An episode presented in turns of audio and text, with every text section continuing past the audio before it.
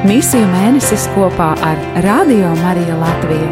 Piedāvājam dienas pārdomas no Tautu evanģelizācijas kongregācijas pontificālās misiju biedrības sagatavotās grāmatas Kristīti un Sūtīti - Kristus baznīcas misija pasaulē.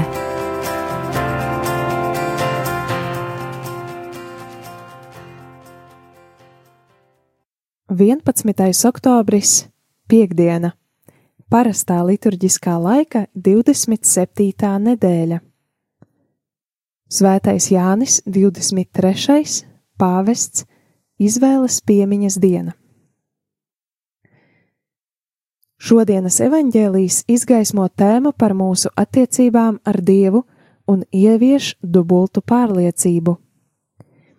Pirmkārt, ka neutralitāte nav iespējama, un otrkārt, ka mācekļa dzīvē nav nekādu noteiktu stāvokļu, izņemot uzticību dievam.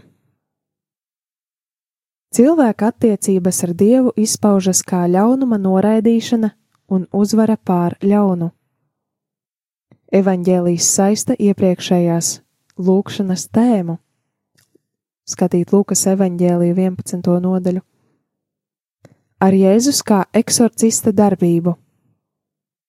Iepriekšējā pantā viņš mums mācīja lūgt, lai nāk Dieva valstība. Tagad Jēzus saka, ka valstība jau tuvojas un ka galvenā pazīme tam ir dēmonu izdzīšana. Interesantākais ir tas, ka sekojot iepriekšējo pantu uzsvaram, uz Jēzus attiecībām ar tēvu, tagad viņa pretinieki nepareizi skaidro iepriekš sacīto, apsūdzot Jēzu par slepenu sadarbošanos ar dēmonu valdnieku Belcebulu. Tomēr evaņģēlījis turpina apgalvot, ka Jēzus savas dziļās kopības ar Dievu dēļ spēja mazināt un izskaust ļaunumu, kas pastāv cilvēkos un viņu vidū. Neutralitāte nav iespējama. Saskaroties ar cerību, ka ļaunums reāli var tikt mazināts un iznīcināts, neviens nevar palikt neitrāls, jo, kā saka Jēzus, kas nav ar mani, tas ir pret mani, un kas mani nesavāc, tas izkaisa. Tāpēc, apņemoties nodrošināt dieva valstības klātbūtni, mums jāpieņem lēmums būt Jēzus pusē, atrasties viņa tuvumā. Jo nedarīt labu tā, kā Jēzus to sludina, nozīmē, ka cilvēks jau zināmā mērā pieļauj ļaunu.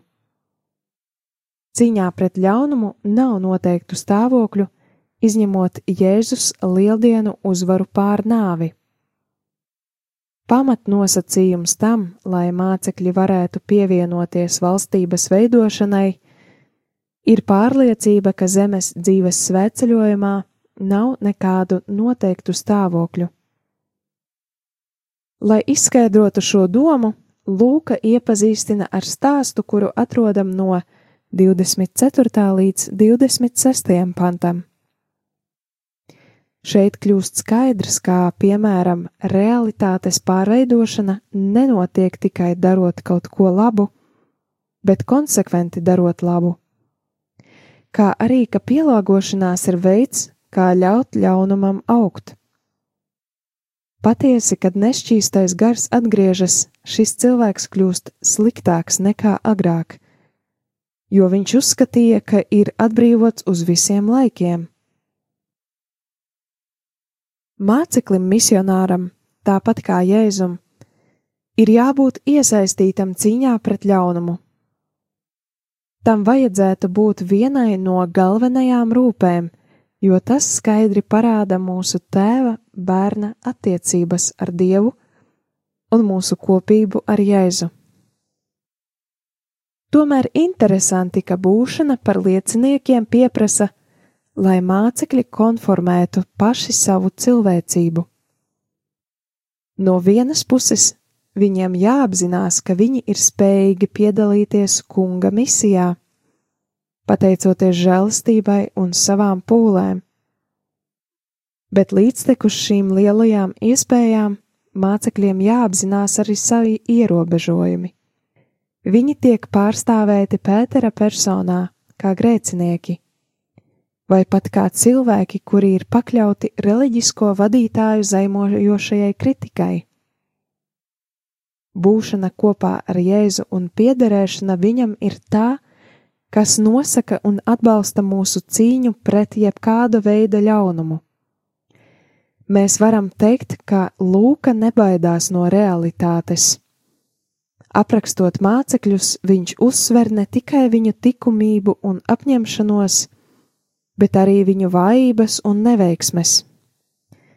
Evanģēlists, bet pāri visam kungs Jēzus, zina, ka mūsu diženums slēpjas savu ierobežojumu atzīšanā, jo katram māceklim ir jāsaprot, ka viņš vienmēr turpina augt. Viņš nekad nes, nesasniegs, vismaz ne pašreizējā dzīvē, absolūtas uzvaras.